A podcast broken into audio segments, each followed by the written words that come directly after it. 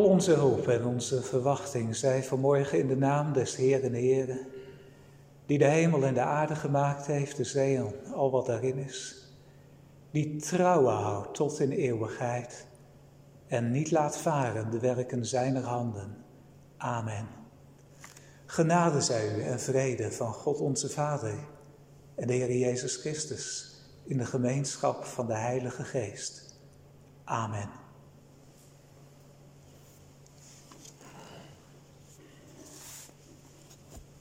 Vanwege de ons bekende gezondheidsomstandigheden gaat het nog steeds wat anders dan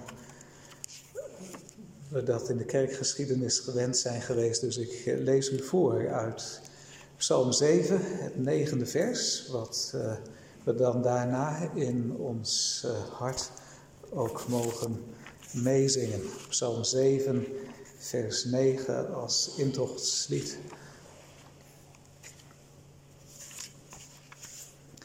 Ik zal het eeuwig wezen prijzen, zijn recht de schuldige eer bewijzen en zingen allerhoogste lof met psalmen tot in het hemelhof.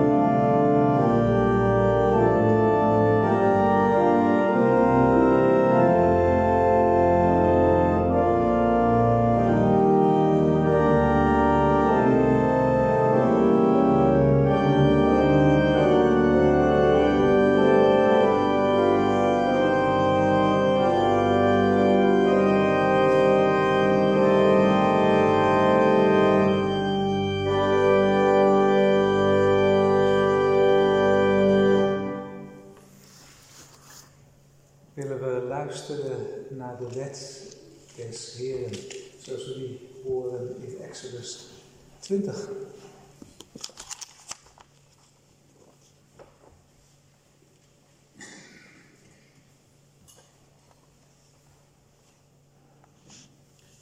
Toen sprak God al deze woorden, zeggende: Ik ben de Heer, uw God, die u uit Egypteland, uit het diensthuis, uitgeleid hebt.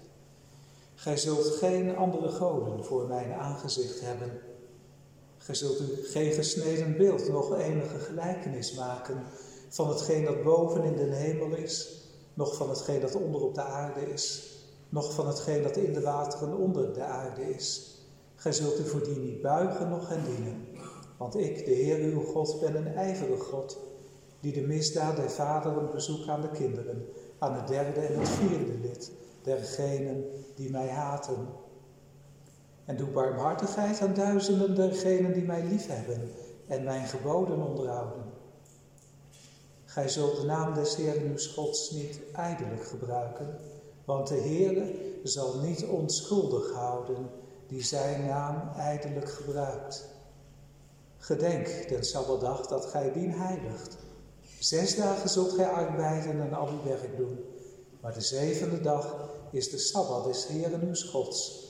Dan zult gij geen werk doen, gij nog uw zoon, nog uw dochter, nog uw dienstknecht, nog uw dienstmaagd, nog uw vee, nog uw vreemdeling die in uw poorten is. Want in zes dagen heeft de Heer de hemel en de aarde gemaakt, de zee en al wat daarin is. En hij rustte ten zevende dagen. Daarom zegende de Heer de Sabbatdag en heiligde denzelven. Eer uw vader en uw moeder, opdat uw dagen verlengd worden in het land dat de Heer uw God u geeft. Gij zult niet doodslaan. Gij zult niet echt breken. Gij zult niet stelen. Gij zult geen valse getuigenis spreken tegen uw naaste. Gij zult niet begeren uw naaste huis. Gij zult niet begeren uw naaste vrouw, nog zijn dienstknecht, nog zijn dienstmaagd, nog zijn os, nog zijn ezel, nog iets dat uw naaste is. Amen.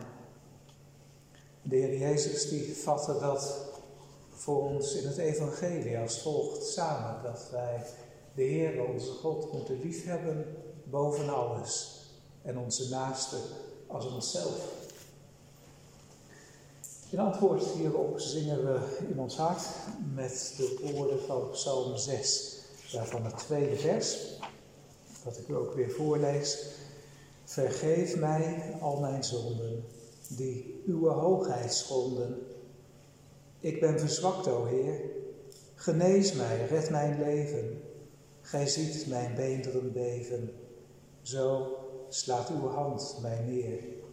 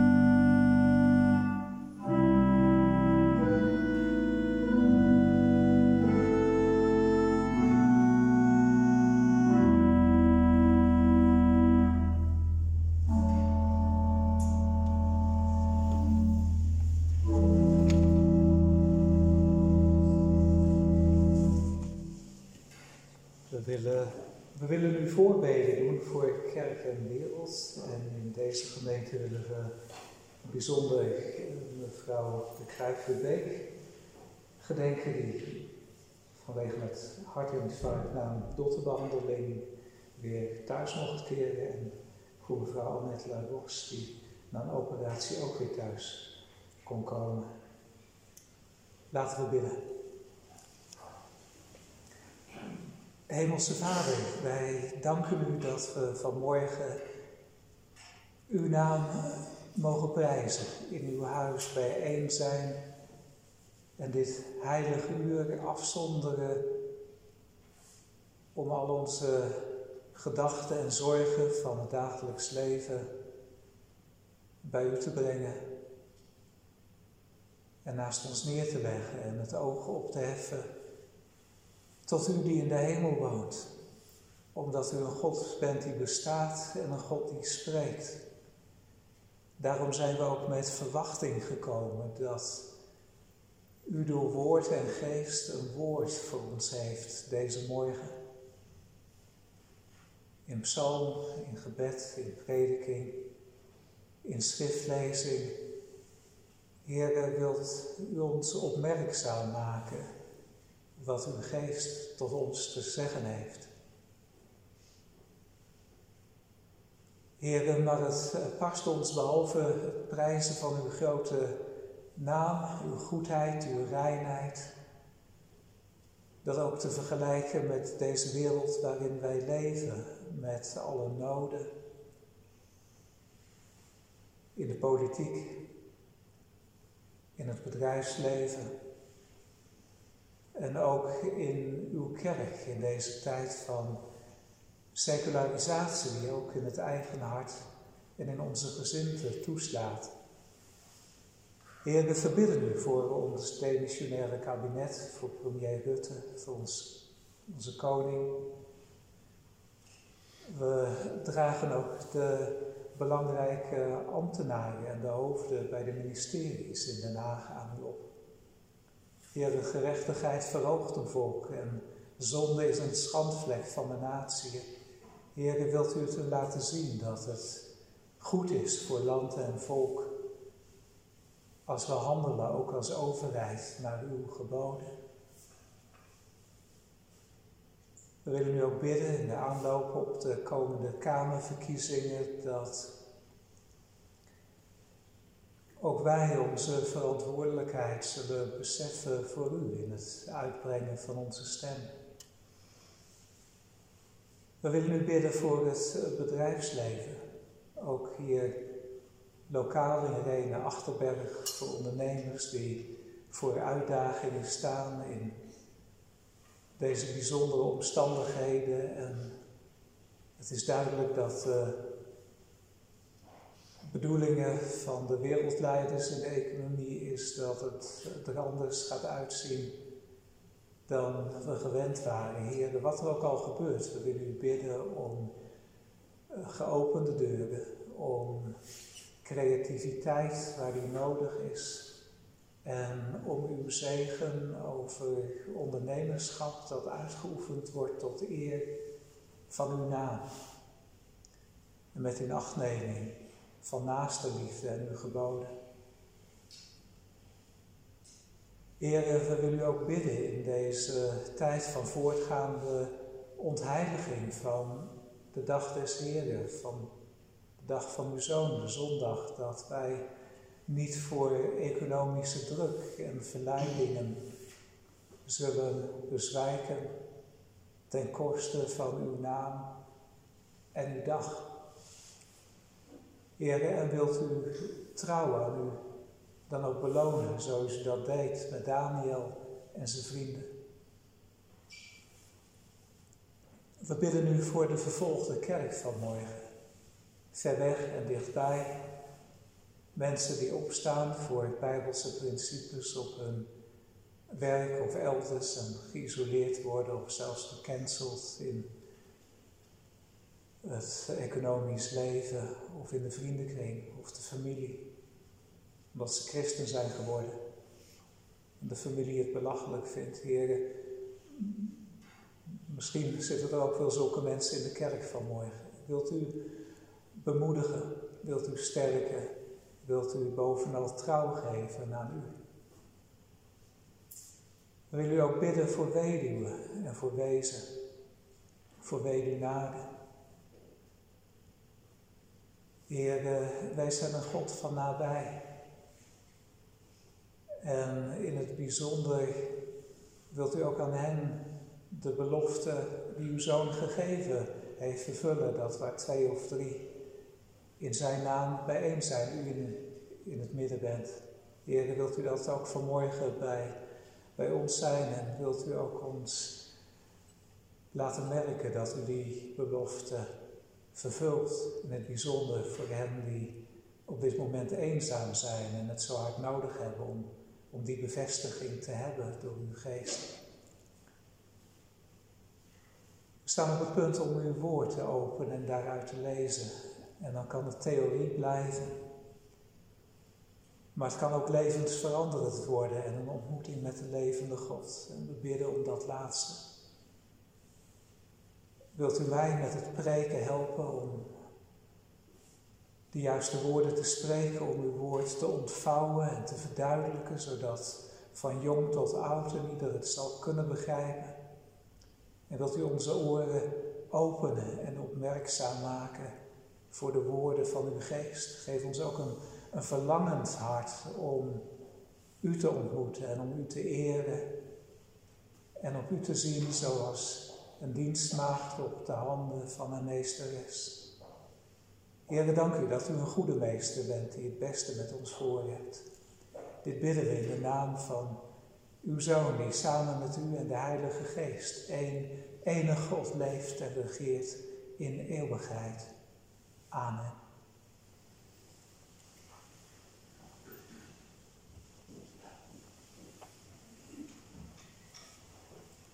Heb verzuimd om uh, de voorbeelden te doen die ik had moeten doen, maar die doen we dan gewoon na de prediking voor de twee leden van de gemeente. We gaan nu het woord van de Heer openen, te beginnen uit Jesaja 29.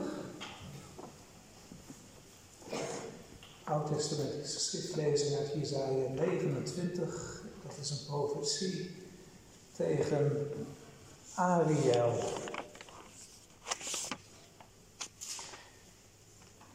En dat is geen ver van mijn bedshow. Dat zult u merken naarmate we vorderen in deze schriftlezing.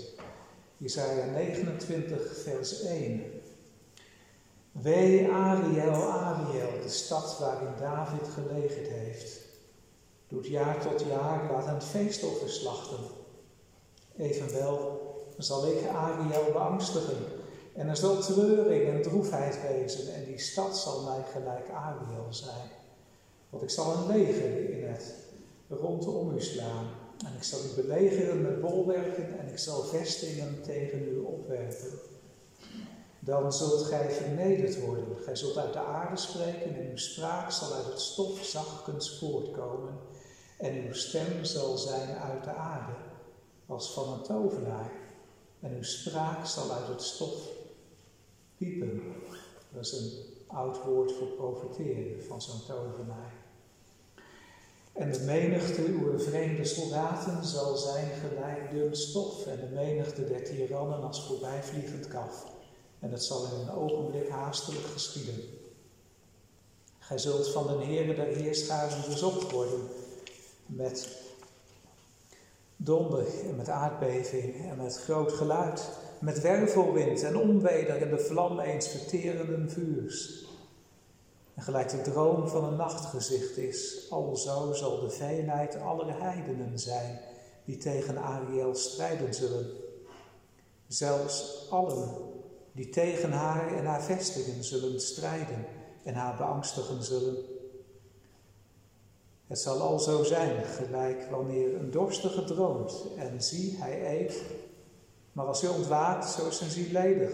Of gelijk als wanneer een dorstige droomt en zie, hij drinkt, maar als hij ontwaakt, waakt, zie, zo is hij nog mat en zijn ziel is begeerig.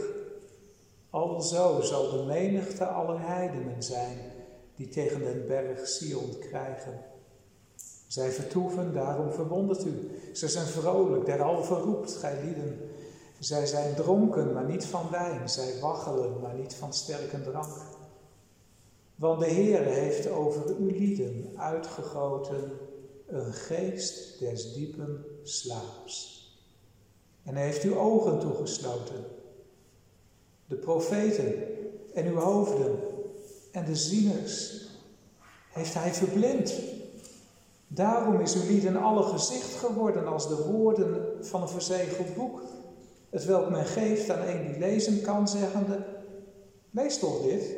En hij zegt, ik kan niet, want het is verzegeld. Of men geeft het boek aan een, aan een die niet lezen kan, zeggende, lees toch dit? En hij zegt, ik, ik kan niet lezen. Want de Heer heeft gezegd daarom dat dit volk tot mij nadert met zijn mond en zij met hun lippen eren, doch hun hart verre van mij doen. En hun vrezen waarmee zij mij vrezen, mensen geboden zijn die hun geleerd zijn.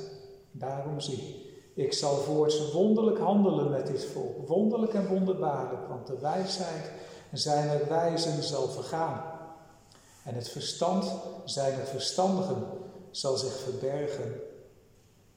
Wee degenen die zich diep versteken willen voor den Heere, hun raad verbergende, en welke werken in duisterheid geschieden, en ze zeggen, wie ziet ons en wie kent ons? U lieder omkeren is alsof de pottenbakker geacht werd als leen, dat het maaksel zeide van zijn maker, hij heeft mij niet gemaakt, en het geformeerde vat van zijn pottenbakker zeide, hij verstaat het niet. Tot zover de Oud-testamentische schriftlezing. Nieuw-testamentische en ook de tekst voor de prediking is uit het boek Openbaring. Daarvan het derde hoofdstuk, de versen 14 tot 22.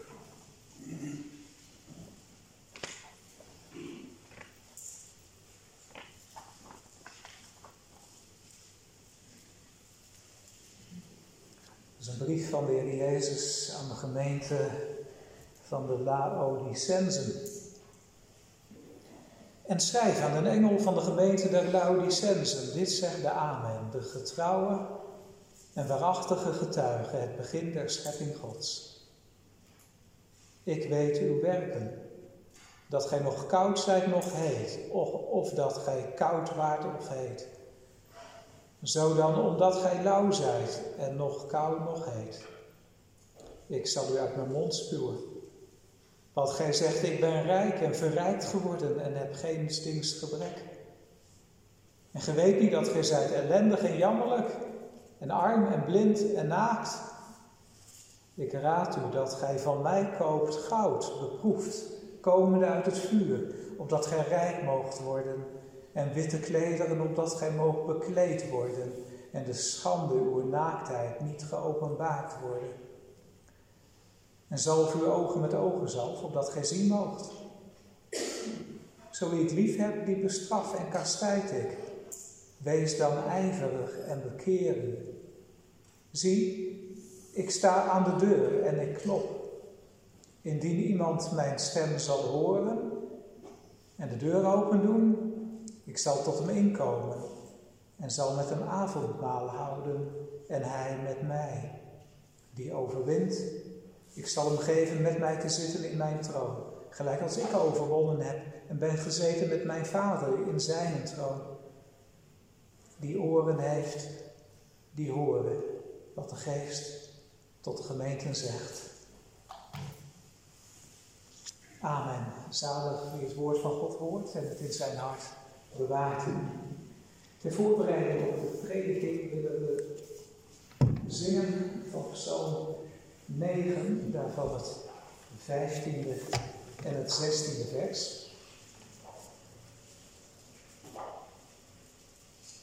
Maar we ook lezen over mensen die door eigen waan misleid zijn. Net als de mensen in Jezaja en in Laodicea. De heidenen zijn door waan misleid, gestort in kuilen, mij bereid. Hun voet verwart zich in de netten, die ze verborgen voor mij zetten. En ook vers 16. Thans is de Heer bekend alom, door recht te doen bij het heidendom. De goddeloze raakt in banden verstrikt in het werk van zijn handen.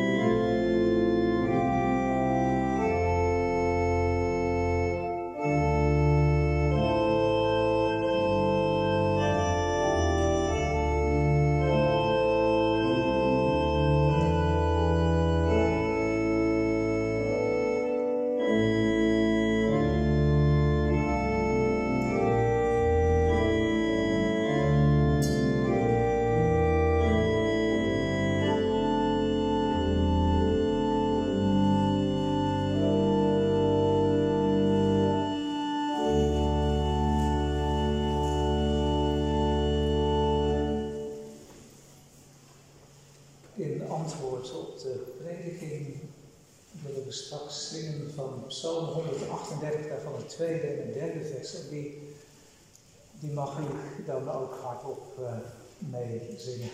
Dus Psalm 138, vers 2 en 3. Door al uw deugden aangespoord hebt gij uw woord en trouw verheven. Gij hebt mijn ziel op haar gebed verhoord, gewet, haar kracht gegeven. En ook het derde vers. Dan zingen zij in God verblijd, aan hem gewijd, van wegen.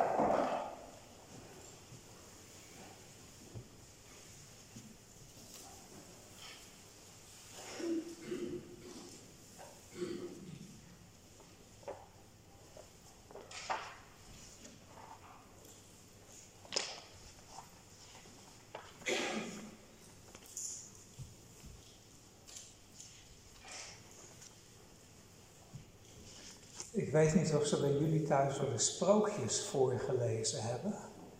Maar bij ons vroeger wel. Mijn moeder die deed dat wel eens. En een van de sprookjes die ze in het sprookjesboek had staan, dat was over de nieuwe kleren van de keizer. Het was over een keizer die ervan hield om hele mooie kleren aan te trekken. En het kon eigenlijk niet gek genoeg. Hij gaf er ook een heleboel geld aan uit. Net zoals sommige mensen in onze tijd wel eens 10.000 euro uitgeven aan nieuwe kleren en dat dan maar een paar keer dragen en dan volgende week weer wat anders willen hebben. Die, die keizer was ook een beetje zo. En binnen het land had hij eigenlijk al alles uitgeprobeerd wat er was. Dus toen moesten de kleermakers uit het buitenland komen. En dan kwamen de twee en die zeiden: Keizer, wij hebben een heel mooi soort materiaal, stof voor u, wat prachtige kleren oplevert. Het is zulk materiaal dat het alleen te zien is door mensen die verstand hebben van hun werk en die heel slim zijn. Nou, de keizer die zag dat wel zitten, dus de kleermakers aan het werk, het resultaat dat was en dan moest hij het aantrekken, maar hij zag niets. Maar hij dacht, ja, als ik toegeef dat ik het niet zie, dan ben ik niet geschikt voor mijn werk als keizer en ben ik nog dom ook, dus ik ga dat niet toegeven. En zei, ja, dat uh, laat ik aandoen. En de eerste minister, de minister-president die er vlakbij stond, die dacht, nou ja, ik moet ook niet uh, in het verkeerde boekje van de keizer komen, dus ik doe ook alsof ik wat zie. Ja hoor, keizer, het ziet er prachtig uit. Nou, een paar dagen later kwam de grote optocht waarin de keizer zijn nieuwe kleren ging aantrekken om het aan het hele volk te laten zien, zeg maar op Koningsdag. En kwam die aan met lakaien die de slippen vasthielden of deden alsof ze het vasthielden. En iedereen een optocht en alle mensen moesten meedoen. Want ja, keizer is belangrijk. En als je weet wat goed voor je is, dan doe je mee in de samenleving. Oh, prachtig. Totdat er een kleintje was, kleiner dan, dan jullie vandaag in de kerk. Die zei tegen zijn mama: Hé, hey, de keizer heeft geen kleren aan, hij loopt in zijn ondergoed. En toen verbrak dat de ban en alle andere mensen zagen ook in één keer de werkelijkheid. De keizer had geen kleren aan. Het was allemaal verbeeld. De keizer was misleid. Toen hij de kleermakers in de gevangenis wilde doen, ging dat niet, want die waren natuurlijk al lang ontsnapt met het geld dat ze gekregen hadden naar het buitenland. Ja, dat zegt iets over ons mensen, dat wij ons onder groepsdruk soms laten misleiden om dingen te geloven die niet echt zijn. En dat is erg genoeg als dat in de politiek gebeurt, maar het is gevaarlijk voor de eeuwigheid als dat voor het geestelijke gebeurt. En daarmee worden we vanmorgen geconfronteerd bij de gemeente van de Laodicense. Laodicense komt van Laodicea, dat was een stad in het tegenwoordige Turkije. In die tijd zaten er geen moslims, maar woonden de Grieken. Het was Grieks koloniaal gebied, nog van de grote generaal Alexander de Grote. Die had de toenmalige wereld veroverd. En in de tijd van de mensen die na hem kwamen, werd Laodicea gesticht door een van die koningen. Waarschijnlijk degene die in Syrië zat, maar de details doen er nou voor morgen niet toe. Wat wel erg leuk is, is dat die man die stad naar zijn vrouw vernoemd heeft. Zijn vrouw die heette Laodicea. En toen werd de stad Laodicea genoemd. Het was een stad die onderaan in Turkije lag. Als aan de linkerkant onderaan, dus bij de kust Efeze lag. Als je dan 160 kilometer naar het oosten ging, dan kwam je bij Laodicea. Belangrijke handelsroute. Dat was in die tijd belangrijk. Nou nog een beetje dat op de snelweg op de juiste punten weer een benzinepomp staat, zodat je bij kan tanken. In die tijd had je dat ook, om paarden te verversen en mensen die reisden overdag. En dan moesten ze weer ergens kunnen slapen. Dus dan had je een dagreizen. Dat begrip komen we ook in de Bijbel tegen. Als je dat gereisd hebt, dan is er weer een nieuwe stopplaats nodig. Laodicea lag op zo'n stopplaats, heel strategisch, aan de, uh, aan de Lucosrivier. Dus het werd een, een centrum van handel. Mensen waren ook rijk. Die hadden aan geld eigenlijk geen gebrek. Dat komt in ons schriftgedeelte ook terug. Er waren heel veel Joden daar. Dat wordt beschreven door, misschien hebben sommigen van nog wel Josephus in de boekenkast, de Joodse geschiedenissen. Daarin vertelt hij dat er eh, heel veel Joden vanuit Babel, die waren er eerst blijven hangen, omdat Israël, daar kon je geen geld verdienen, dat was een grote ruïne. En hun mooie huis, stond daar in Babel en een bedrijf was er ook, dus die mensen bleven gewoon. Maar in de Griekse tijd later werden er 2000 Joodse families geëvacueerd. Die werden uit Babel, zei de gouverneur, jullie moeten hier weg en ga maar naar Laodicea toe. Dus er waren 2000 Joodse families gevestigd, heel veel Joden dus en kennis van de Bijbel daarmee, die bekend was in deze plaats. Een beetje later was er een heidense schrijver, Cicero, die schreef een brief naar de gouverneur van Laodicea. En dat gaat erover dat die man 9 kilo goud in beslag had genomen bij de Joden. De Joden die hadden collecte gehouden, zoals u vanmorgen. En, en dan letterlijk met goud 9 kilo, nou dat was een heleboel geld waard in die tijd. En dat hadden ze opgespaard voor de tempel in Jeruzalem. En toen had de gouverneur die had het afgepakt en gestolen. Goud gaat ook terugkomen in ons tekstgedeelte. Mensen die denken dat ze rijk zijn, maar dan zegt de Heer Jezus, jullie moeten echt verfijnd goud gaan kopen bij mij. Laten we iets nader bij de tekst kijken. Van op de kansen bij onze bladeren vallen steeds om, dus ik ga even naar openbaring toe in de kleine Bijbel hier. Het zal je opvallen bij dat eerste vers in vers 14 dat het geschreven wordt aan de engel van de gemeente van de Laodicensen. Ja, waarom zou je een engel schrijven? Nou, dat, dat zou inderdaad ook niet zomaar doen. Het woord engel, dat betekent hier zo voorganger of boodschapper van de Heere God. Diezelfde zin komen we dat woord engel tegen bij Johannes de Doper. Lucas schrijft erover. Zie, ik zend mijn engel voor uw aangezicht, die u de weg bereiden zal. En die engel, dat was iemand van vlees en bloed, maar hij komt met, met Gods boodschap, bekeert u, want het koninkrijk der hemelen is nabijgekomen. Dus de dominee van Laodicea, die is verantwoordelijk voor de gemeente, die krijgt deze brief van de Heer Jezus en dan moet hij die boodschap gaan doorgeven aan de gemeente. En dat is geen gemakkelijke boodschap, dat is een moeilijke boodschap, want de mensen die gaan iets horen waardoor een deel van de gemeente waarschijnlijk kwaad gaat worden op de dominee. Want ze denken dat ze geestelijk wat zijn, maar, maar ze zijn het niet. En de Heer Jezus die komt een waarschuwen.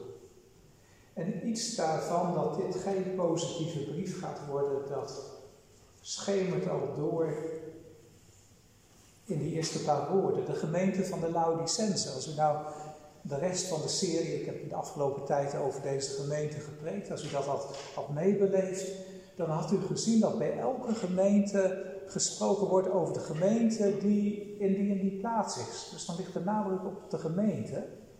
Hier staat er in één keer in de kerkelijke tekst iets anders. Er zijn sommige handschriften die het wat anders hebben, maar in de kerkelijke overlevering staat er de gemeente van de Laodicensen. verzameling van mensen, daar zo in Laodicea. Het wordt anders gezegd. Hier is iets bijzonders aan de hand.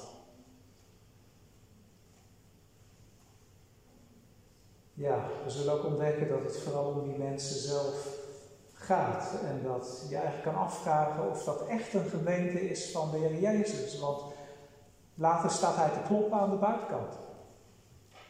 Ja, dat is wel heel erg. Als de Heer van de kerk hier vanmorgen in Renen buiten moest staan. Dat wij met onze eigen kerkje spelen bezig zouden zijn. En met onszelf, maar eigenlijk aan de Heer van de kerk voorbij zouden gaan. Nee, dat mag niet gebeuren. En in zijn genade schrijven de Heer ook zulke mensen aan. De brieven, die hebben gewoonlijk deze structuur. Eerst zegt de Heer Jezus iets over zichzelf. Als u een brief in de post krijgt, dan staat er ook vaak een. Dan kijk eerst even op de envelop, hé, van wie zou die zijn? Deze brief is van de Heer Jezus. En dan zegt hij gewoonlijk een paar dingen over zichzelf die van betrekking zijn tot de situatie. Dit zegt de Amen, de trouwe en waarachtige getuige, het begin der schepping Gods.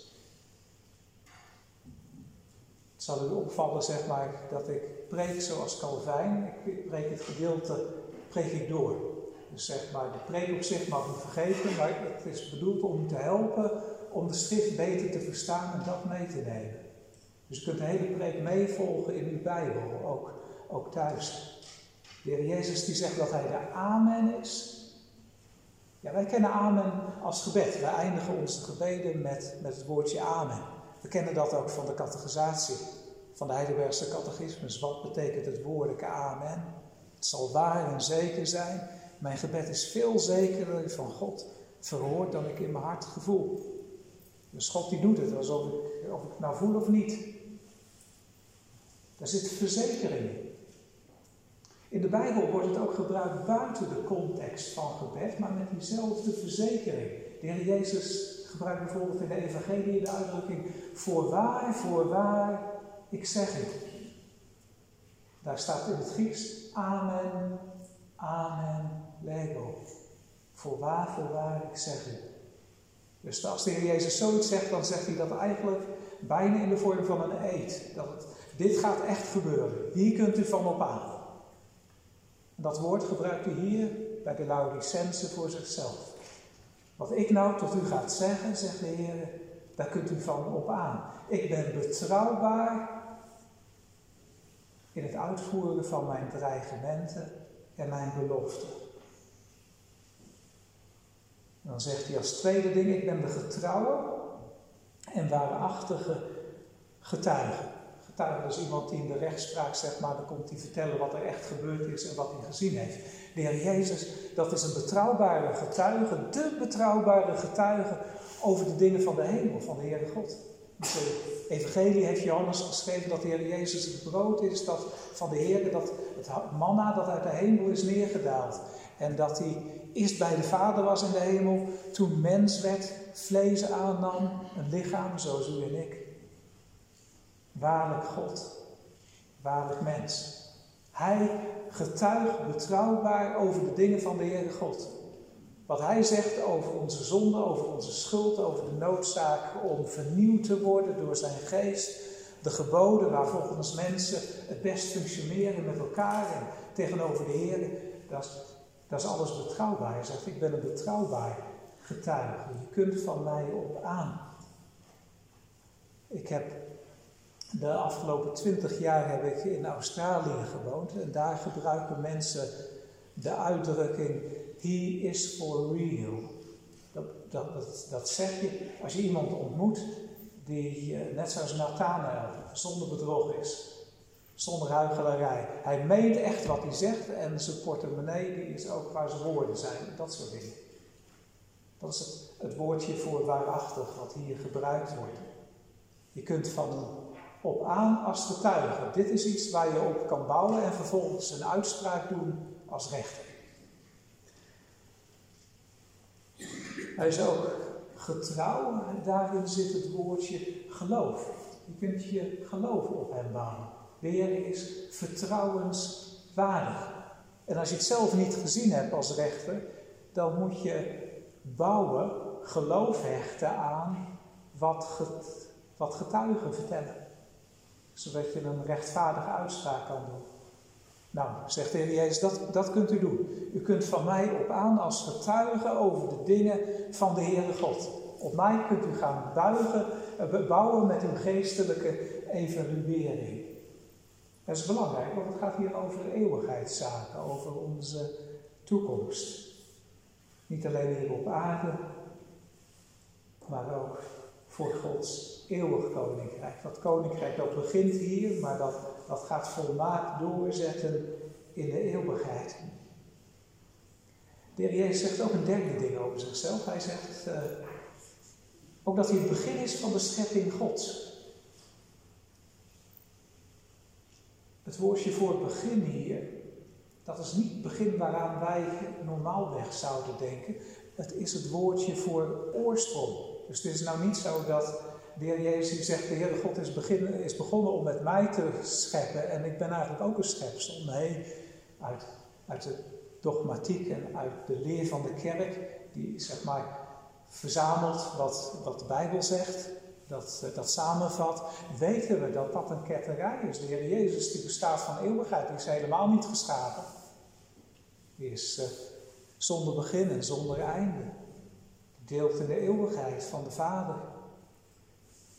Nee, de Heer Jezus heeft geen begin. Maar hier zo noemt hij zich de oorsprong. Het Griekse woordje arge van de schepping Gods. Door hem zijn alle dingen. Zoals Paulus dat zegt in Colossense. Zoals Johannes dat verduidelijkt in zijn evangelie. Alle dingen zijn door hem gemaakt. En er is niets gemaakt dat niet door hem gemaakt is. Want de Heer Jezus is onze schepper. De Vader heeft hem gebruikt om alle dingen te maken. En daarin rust dus een claim. Want wij kunnen nog met het excuus komen, ook daar in Laodicea, als we ons nou zouden inbeelden vanmorgen dat wij een van die mensen zijn bij, in die mooie rijke stad.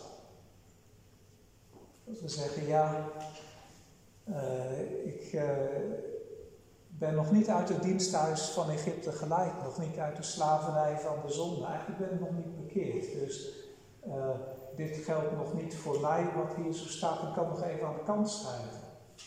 Dan zegt de Heer Jezus vanmorgen tegen u: U hebt geen excuus, geen verschoning, want ik heb u gemaakt. En omdat u een schepsel bent van mij, heb ik recht op u. U hebt geen recht om een zondig leven te leiden.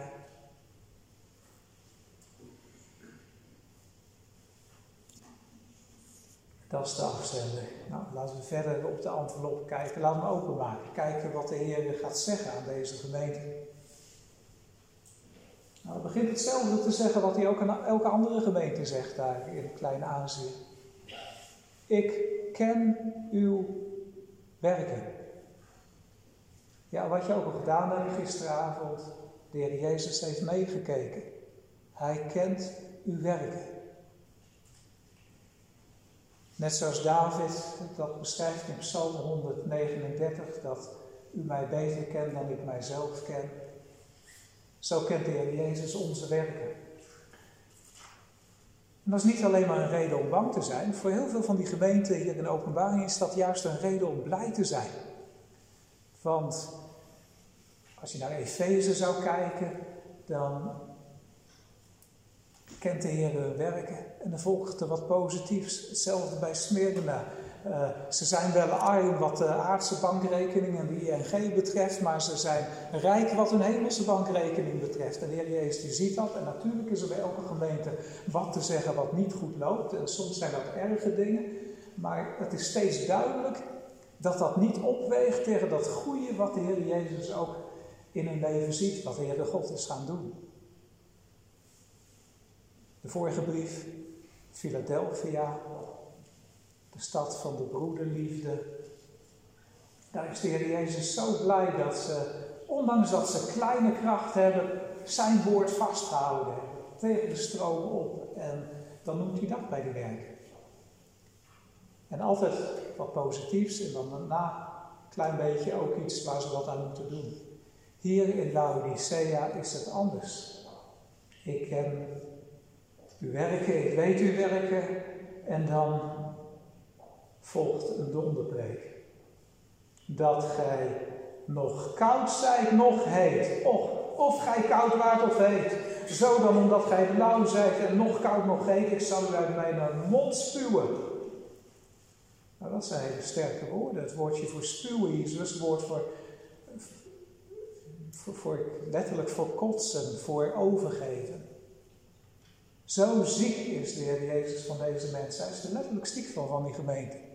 Zijn maag wil alles eruit gooien, wat deze mensen aan het doen zijn. En dan denken ze ook nog dat het prachtig is, zullen we straks ontdekken. Want aan de buitenkant ziet er allemaal mooi uit. Waarom is dat? Nou, ze zijn lauw en niet koud nog heet. Laten we daar eens nader naar kijken. Want blijkbaar is koud of heet, dat is iets goeds in deze context. In het verleden is deze tekst wel eens verkeerd uitgelegd dat de Heer Jezus wil dat ze koud of heet waren, dat je dan beter maar drugs kan gaan gebruiken en het met allerlei vrouwen houden en maar erop losleven, dat de Heer dat dan liever heeft dan dat je lauw bent. Nee, dat is een verkeerde uitleg van deze tekst. Dat is niet volgens de grondtekst. Het gaat er hier om dat mensen volledig voor Hem gaan. En dat kan met koud.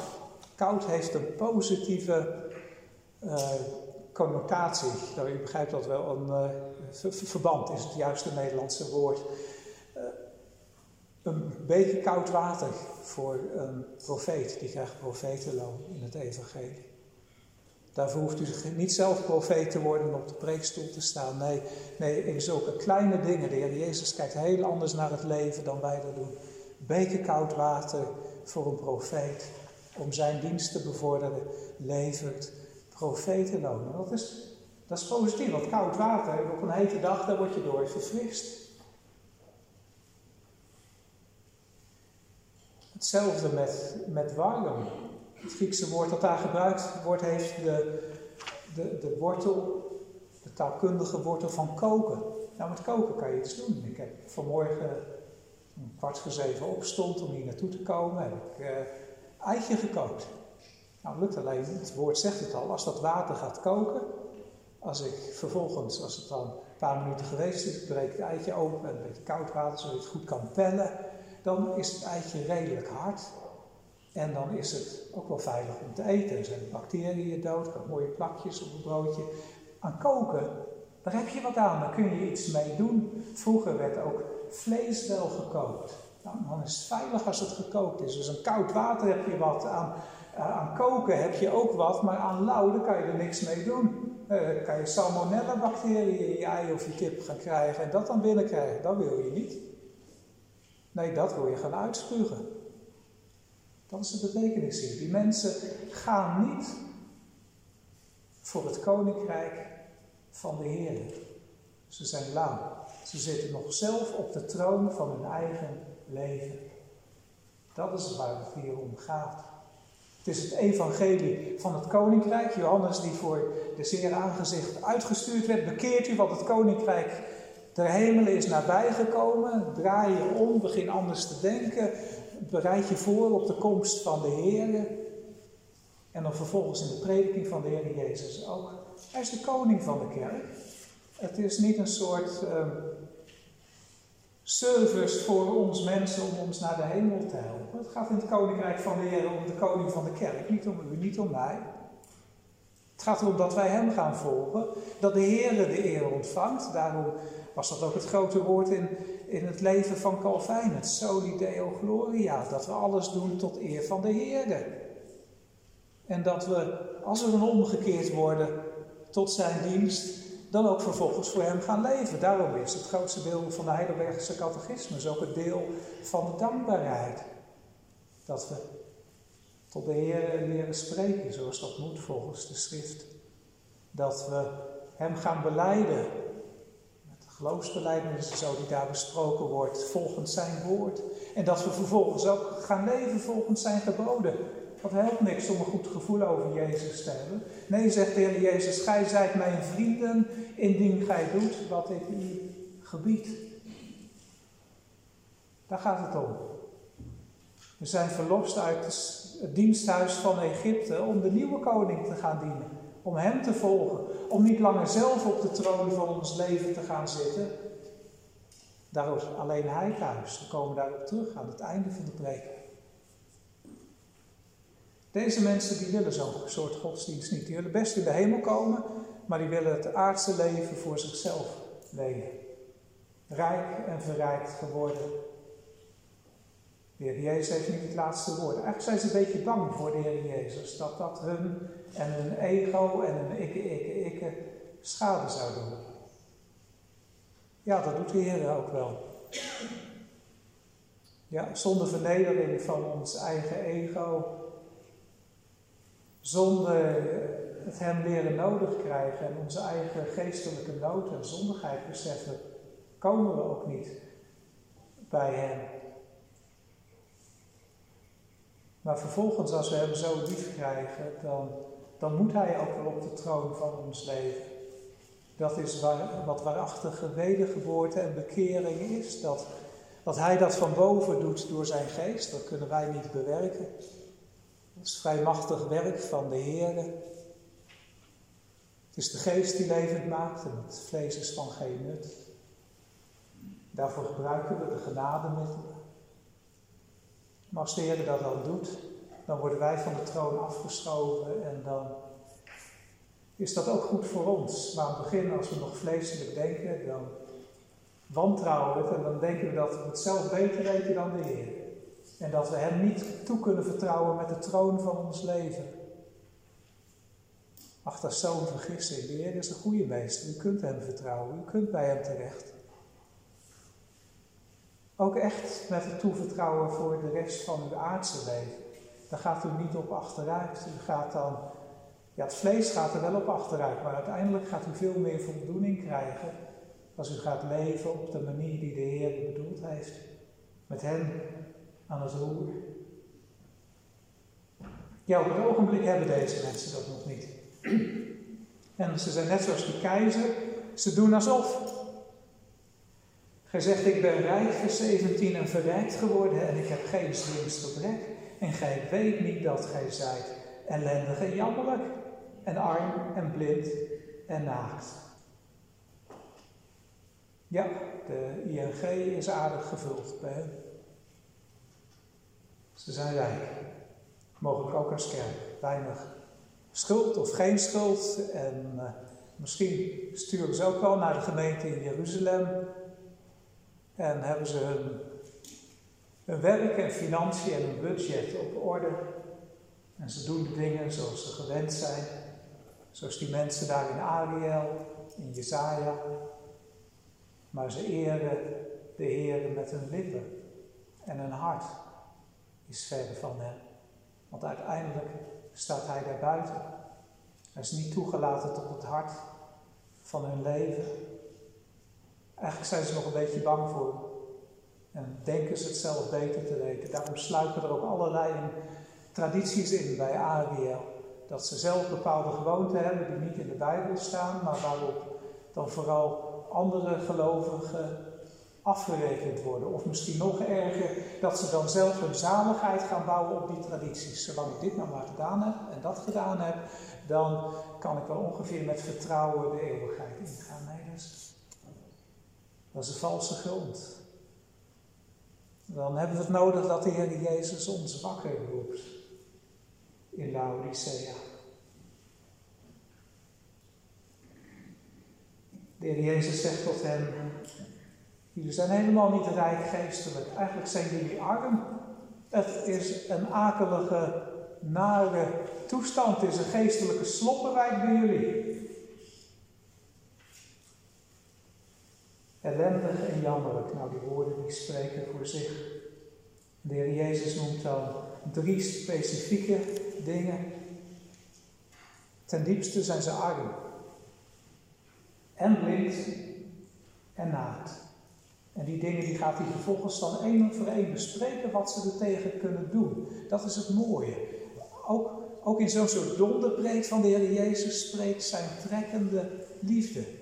Hij wil niet dat enige verloren gaan, maar dat alle tot kennis der zaligheid komen in het heden der genade. Ook dit soort mensen die verstart zijn in bepaalde eigen tradities en dan zelf ook nog denken dat ze het goed doen. Omdat het goed loopt of schijnt te lopen.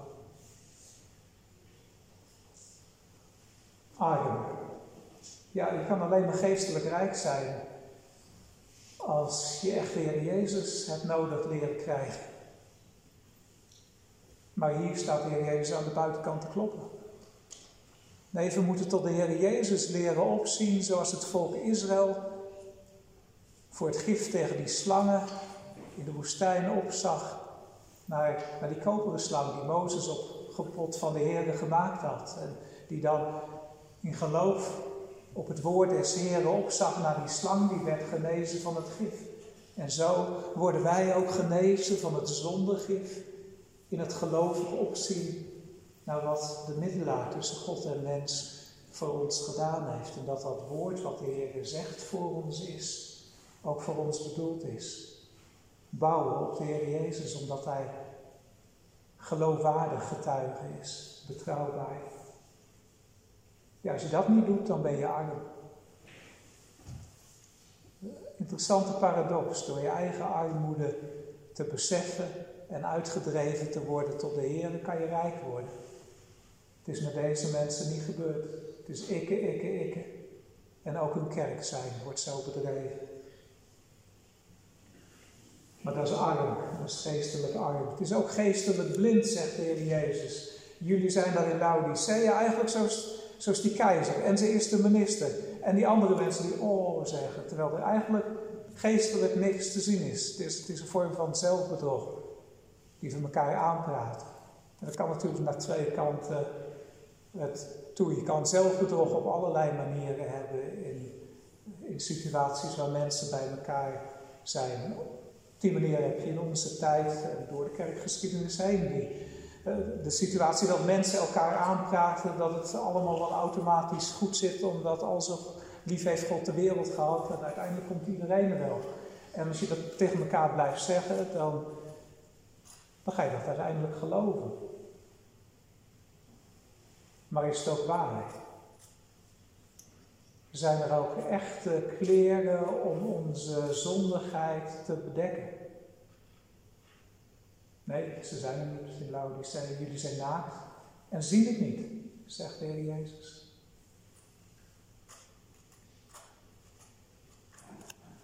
Ja, dus dat arme, blind en naakt, die laatste twee dingen van blind en naakt, die, die hangen samen.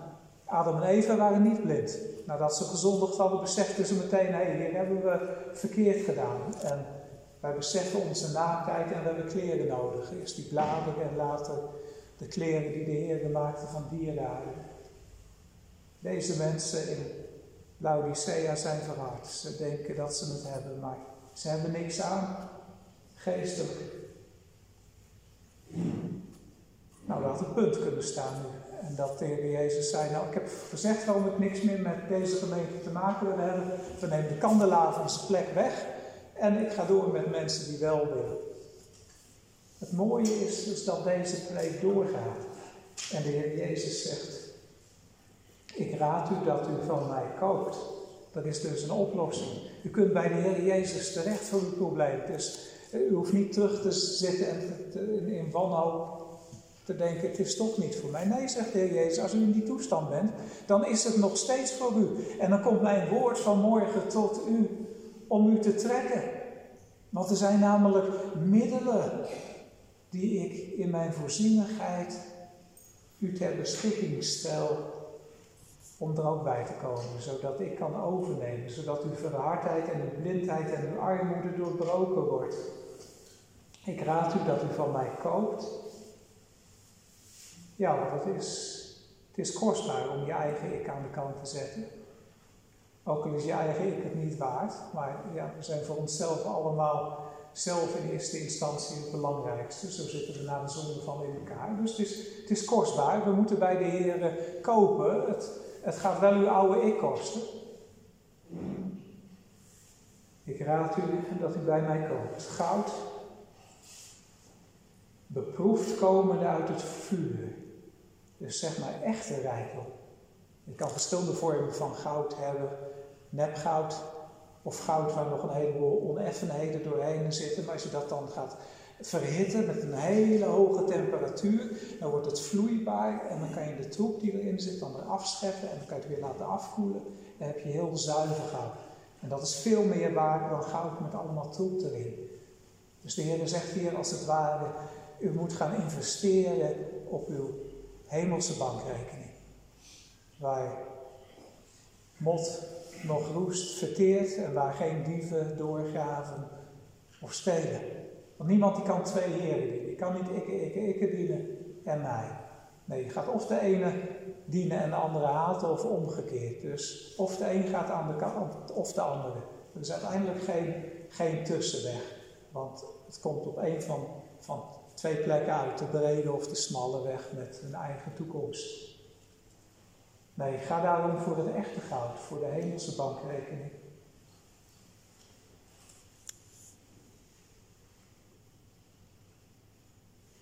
Opdat gij rijk moogt worden. Ja, want het gaat niet om 70, 80 korte jaren hier op aarde, om een hele eeuwigheid die voor ligt. Voor Gods koninkrijk, voor een nieuwe hemel en een nieuwe aarde. Hier een tijdje strijdende kerk met een grote wolk van getuigen. De gemeenschap met de kerk van, van alle tijden en plaatsen die ons vanuit de hemel aanmoedigt om de wedloop te lopen, dit stukje. Want het gaat om het hemelse Jeruzalem. Daar naartoe zijn we op weg. Nou, als dat de eeuwigheid is en hier maar een tijdje en die ING die vergaat, dan ga je voor de hemelse bankrekening, anders ben je dom. Dan moet je wel geloof voor hebben en het woord van de Heer Jezus vertrouwen. Ja, daar komt het in de Bijbel op aan, op het vertrouwen van zijn woord. En dan zegt, zegt Calvijn ook dat, het, dat dat geloof, als dat het echte geloof is, dat dat dan ook gevolgd wordt door werken. Dat het niet anders kan. Dat het echte geloof vruchten der bekering voortbrengt. Als we echt ons vertrouwen op Hem gaan stellen. Dus niet zelf kleren maken maar dat, dat komt door het werk van de geest in het vertrouwen op Hem. Dan kunnen we rijk worden. Het tweede, witte klederen, opdat gij mogen bekleed worden en de schande, uw naaktheid, niet geopenbaard worden. Ja, want als we in de schande zitten, dan kunnen we niet bij de Heer terecht, bij zijn heilige God. Daarvoor moeten de twee dingen gebeuren die in deze witte klederen gesymboliseerd worden. In de eerste plaats, als je kleren aantrekt, dan bedek je je naaktheid. Dat is waar kleren voor zijn. Dat dreigen we wel eens uit het oog te verliezen, ook in onze tijd. Vroeger waren we daar, ook als reformatorische christenen, veel conservatiever in. Dat kleren die zijn voor, voor bedekking en ook voor het andere mensen helpen om geen verkeerde gedachten te hebben. Maar goed, hier gaat het in de eerste plaats om de overdekking van onze geestelijke naaktheid voor de Heer. Daar is het offer van de Heer Jezus goed genoeg voor. En als we in het geloven opzien tot Hem en dat met verwachting doen, dan worden we genezen van dat zondegif en dan als het ware overdekt met zo'n wit kleed. En het mooie in de openbaring is dat, dat er ook een tweede betekenis in dat witte kleed is. Eindje verderop, dan kunnen we lezen hoe mensen hun die, die, die, de Heer Jezus zijn gaan volgen, hun witte klederen gewassen hebben in het bloed van het lam. Nou, dat moet je thuis niet proberen. Als je, een tijdje geleden was, was mijn vinger open geraakt. En dan zou je dan af kunnen gaan vegen aan je mouw. Maar dan wordt mijn vrouw een beetje kwaad als ik dat zou doen, want bloed dat is moeilijk om eruit te halen. Er wordt niet schoon van. Nee, dan moet je de wasmachine met was spoeien. Openbaring gebruikt niet altijd letterlijk, maar soms symbolisch taalgebruik. Dat zegt eigenlijk dat het bloed van de Heer Jezus een beetje is zoals als, als waspoeier in de wasmachine. Daar kunnen we geestelijk schoon van worden. Doordat Hij de prijs betaald heeft, kunnen we gereinigd worden van onze zonden. En kunnen we ook, als we de Heer hebben leren kennen, als onze kleren dan weer vuil gedaan geworden zijn en we hebben nog gisteravond of, of, woensdag iets doms gedaan. We zijn lelijk geweest tegen ons vriendje. En dat niet gemogen, maar dan kan je s'avonds tegen de Heer, de God zeggen, in de naam van de Heer Jezus, dat je er spijt van hebt en Hij het wil vergeven. En dan kan het bloed van de Heer Jezus dat schoonmaken, zodat je nog steeds bij de Heer God kan komen. Dat Hij je niet wegjaagt, omdat je weer schoongemaakt bent door het bloed van het lam. En dan moet je natuurlijk ook later even tegen je vriendje zeggen dat je er spijt van had. Want zo werkt het natuurlijk ook. Als je echt de Heer lief hebt en je vriendje, zeg ook tegen je vriendje even sorry. Witte klederen. Rechtvaardigmaking, heiligmaking en het volgen van de Heer. Dat komen we hier tegen. Dat kunnen we bij Hem krijgen. We kunnen niet zelf maken, dat soort kleren. Maar dat allermooiste materiaal wat de keizer niet kon kopen, dat is wel verkrijgbaar bij onze Heer Jezus. Bevrijding van zondeschuld, reiniging op het smalle pad, op weg naar de hemel.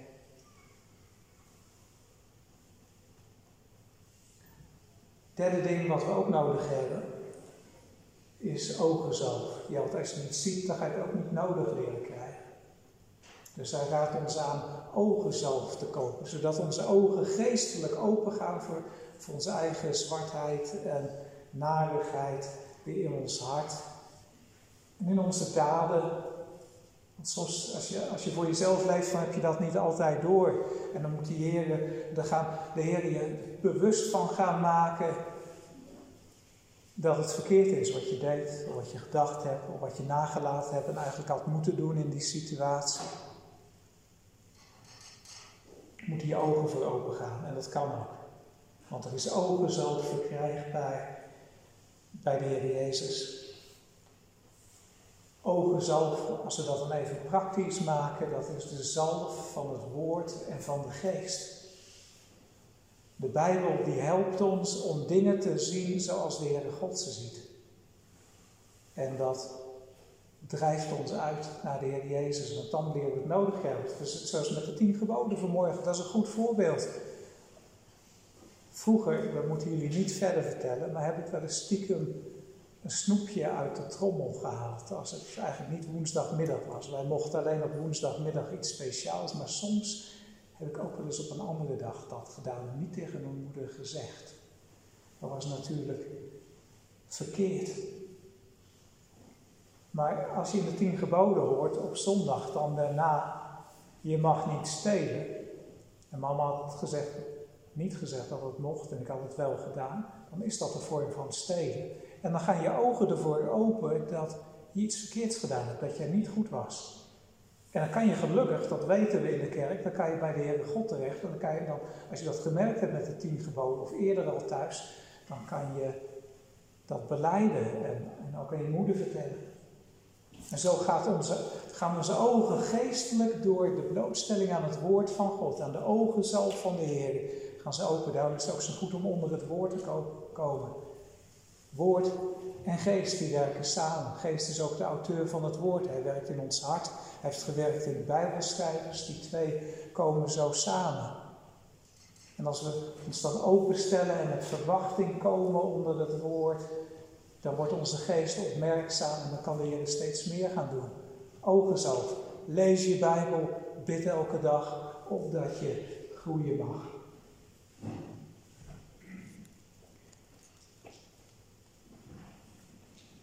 De Heer zegt het nog even heel duidelijk dat hij echt mensen die op het ogenblik nog in een kerk zitten waar hij buiten staat, dat hij ze erbij wil hebben.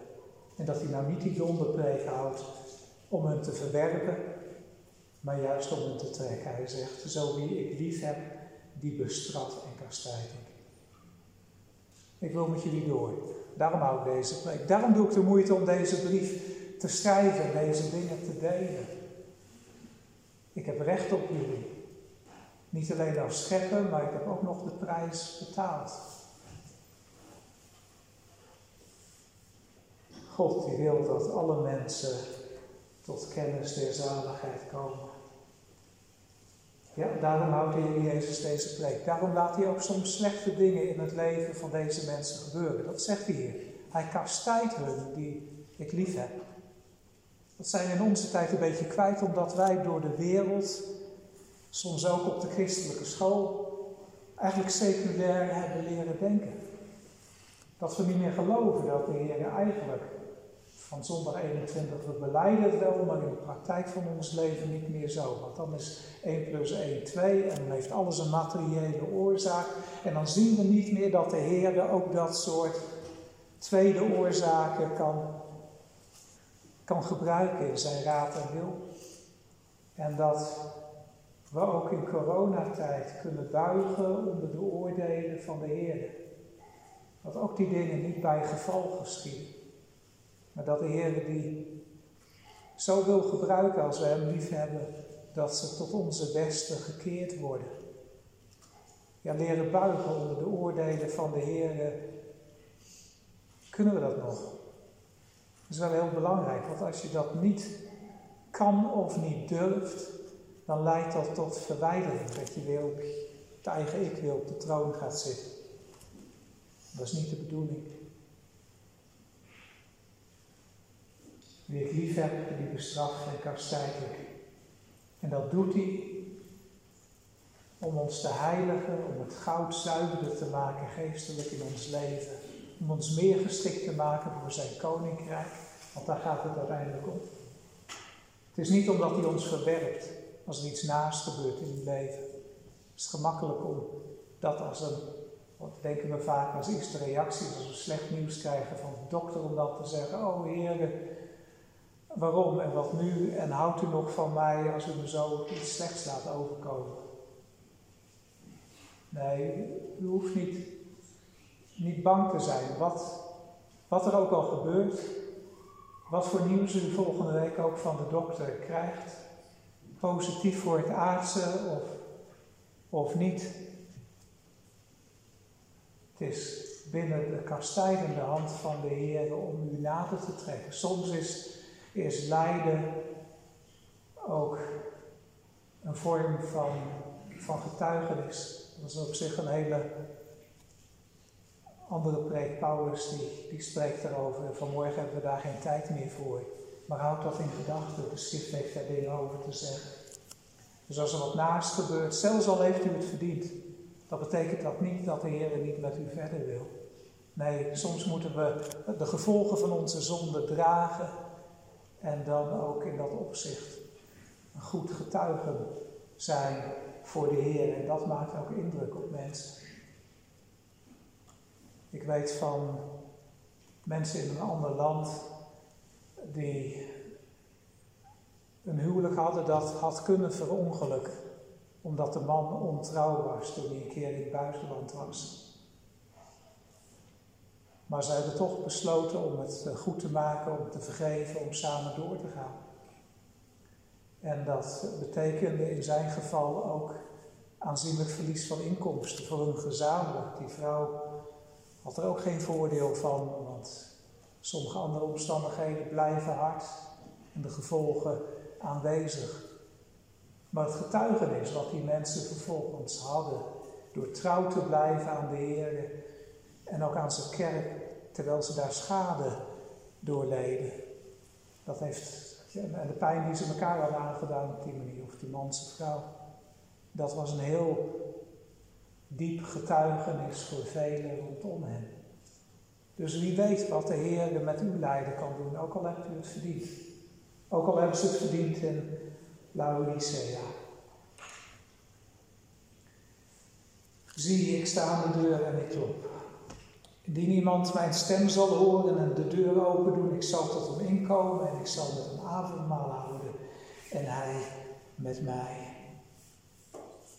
Daaruit spreekt de onuitsprekelijke liefde van de Heer. Hij wil u erbij hebben. als hij dit soort mensen erbij wil hebben, die er eigenlijk die het niet verdiend hebben en die er wil uitspugen, dan wil hij ook u en mij erbij hebben. Dan is er hoop voor u en mij. Dan moeten we acht geven op zijn stem. Dan moeten we doen wat hij zegt. Als schepper heeft hij er recht op dat de deur van uw hart, dat de deur van uw gemeente voor hem open gaat en dat hij het laatste woord heeft in zijn kerk. En dan ook individueel in uw leven. Het heeft allebei de aspecten in de tekst hier. In het Grieks wordt het in het enkelvoud gezegd dat iemand persoonlijk aangesproken wordt. Het gaat ook om de Laodicense Maar hij staat ook buiten de gemeente, klok.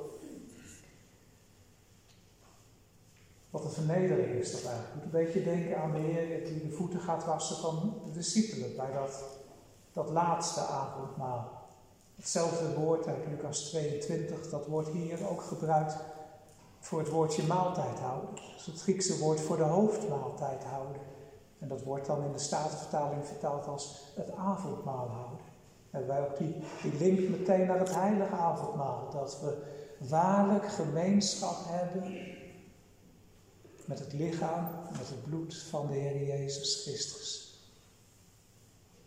Nou, dat is de intiemste vorm van gemeenschap die, die denkbaar is. En de Heer vernedert zich zo diep daarvoor voor ons zondaren. Wie, wie wil zo'n liefdevolle Heer die dat voor u gedaan heeft en wil doen. En ook nu bereid is om te kloppen, zelfs dat. Terwijl hij er recht op zou hebben dat hij de rode loper al lang uitgelegd had. Zo, zo, zo iemand is eh, liefde. En dat trekt ook u vanmorgen. Tot slot, die overwint, ik zal hem geven met mij te zitten in mijn troon. Gelijk als ik overwonnen heb en ben gezeten met mijn vader in zijn troon. Het beeld van de troon, dat kennen jullie wel. Als er iemand op de troon is, wie is dat dan? Zou, zou ik zomaar naar de Eerste Kamer mogen gaan? Nou vergaderen ze daar in de ridderzaal. Daar staat ook een troon daar in Den Haag. Zou ik daar zomaar op mogen gaan zitten? Of is die troon eigenlijk voor iemand anders bestemd? Er is er maar één iemand in Nederland die op die troon mag zitten. Weet je wie dat is? Dat is koning Willem-Alexander.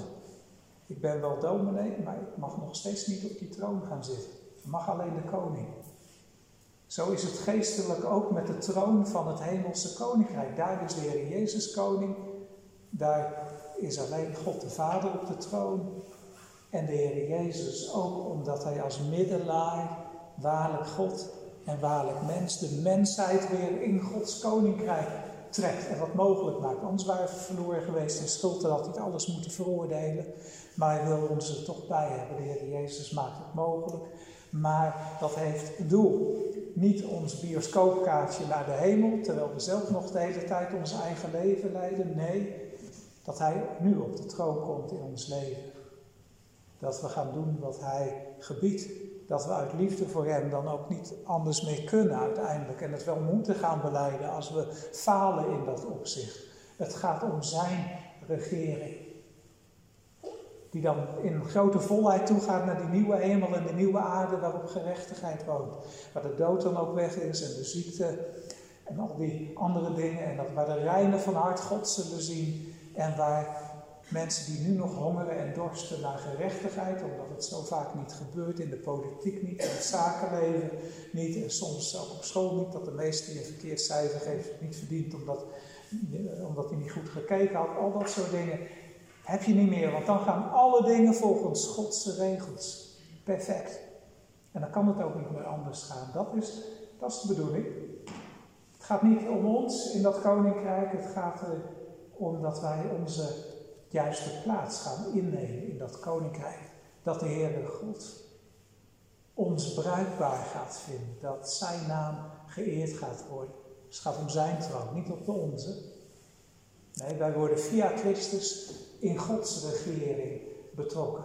En later lezen we in de openbaring dat zij met Christus als koningen zullen heersen. Dat is niet als koningen op eigen houtje en dan weer lekker gaan doen naar eigen inzichten en eigen dunken. Nee, dat is omdat we het dan als koningen fijn zijn gaan vinden om te denken en te doen zoals de Heer God dat, dat willen hebben. Wat een dag zal dat zijn. Maar hier hebben we er al een beetje van en dat kunnen we ervaren ten dele en groeien.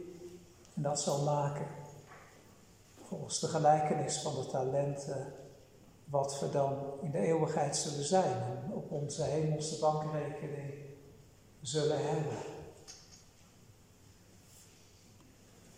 Die oren heeft, die horen wat de geest tot de gemeenten zegt. Ja, het is dus niet alleen de geest die het moet doen. Ja, bij de wedergeboorte wel, maar bij de heiligmaking zijn we ook zelf betrokken. Onze oren ook. En die moeten we gebruiken. Voor je Bijbel. Kom onder de prediking. En onze mond verbid elke dag. Die oren heeft die horen wat de geest tot de gemeente zegt. Amen.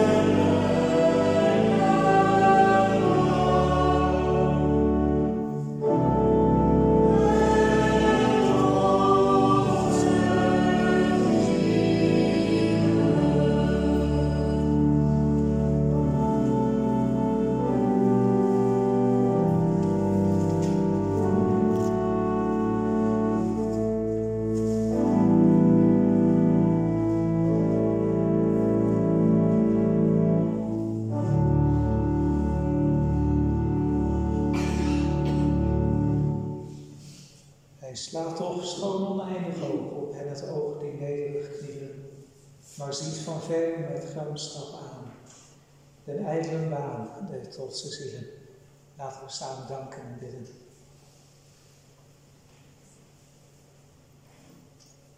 Hemelse Vader, wij kijken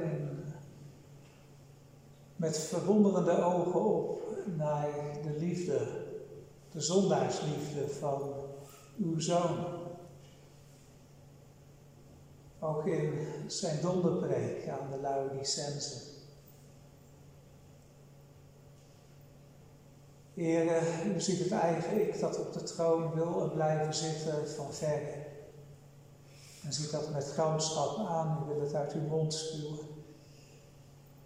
Maar mensen die nederig willen knielen voor u en het van de Heer verwachten, zijn welkom. Dank u voor zo'n boodschap van machtige zondaarsliefde. Heere, dank u dat we Hem als Heer van ons leven kunnen, mogen en moeten vertrouwen. Dat Hij recht op ons heeft als schepper. Omdat Hij zich vernederd heeft om de gevallen wereld, ja, zelfs aan de vloek van het kruis. Dank u voor die roepstem die vanmorgen ook heeft mogen klinken door uw woord en geest. Heer, we willen u nog bidden voor uw genade onderweg, voor alle van ons thuis en in de kerk, maar in het bijzonder ook voor mevrouw de Kruijf Verbeek, nu ze herstelt van het hartinfarct en van het dotteren, dat uh, u haar gezondheid zal oprichten voor u. Dat u haar, haar ook in blijdschap zult laten leven voor uw koninkrijk, het hoofd omhoog, de blik gericht op het hemelse Jeruzalem, waar Christus zit, de tienduizenden van engelen. Heer, we verbidden u ook voor mevrouw Annette Lagos, die na de operatie vorige week ook weer thuis heeft mogen komen en die nog spanning op de uitslag wacht. Heer, ook dat alles is in uw hand en dat willen we daar laten. Maar we willen u bidden om volledig herstel, om genezing, zodat ze nog vele jaren tot verheerlijking van uw naam kan leven en een getuigenis zijn voor anderen. Heer, alle dingen en al onze begeerten en behoeften maken we aan u bekend door middel van het gebed dat uw Zoon ons heeft leren bidden, waar het bovenal en eerst ook om u gaat. Onze Vader die in de hemelen zijt, uw naam worden geheiligd, uw koninkrijk komen, uw wil geschieden gelijk in de hemel als ook op de aarde. Geef ons heden ons dagelijks brood en vergeef ons onze schulden, gelijk ook wij vergeven onze schuldenaren. Blijf ons niet in verzoeking, maar verlos ons van de boze. Want uw is het koninkrijk en de kracht en de heerlijkheid tot in de eeuwigheid. Amen. Onze slotzang is uit Psalm 2, daarvan het derde vers.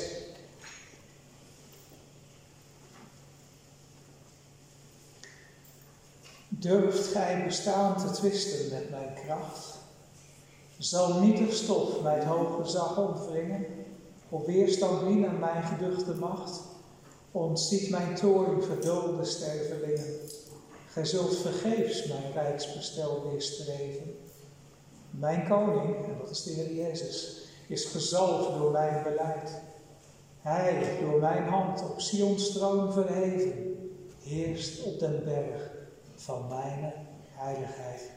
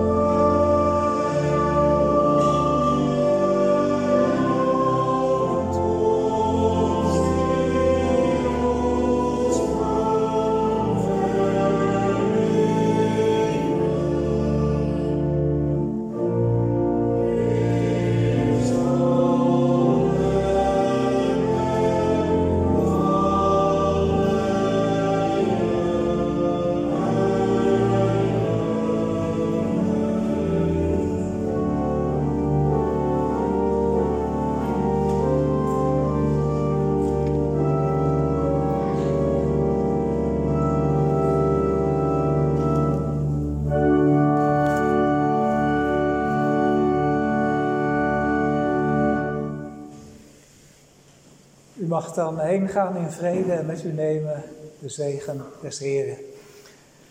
De Heere zegen u en hij behoede u.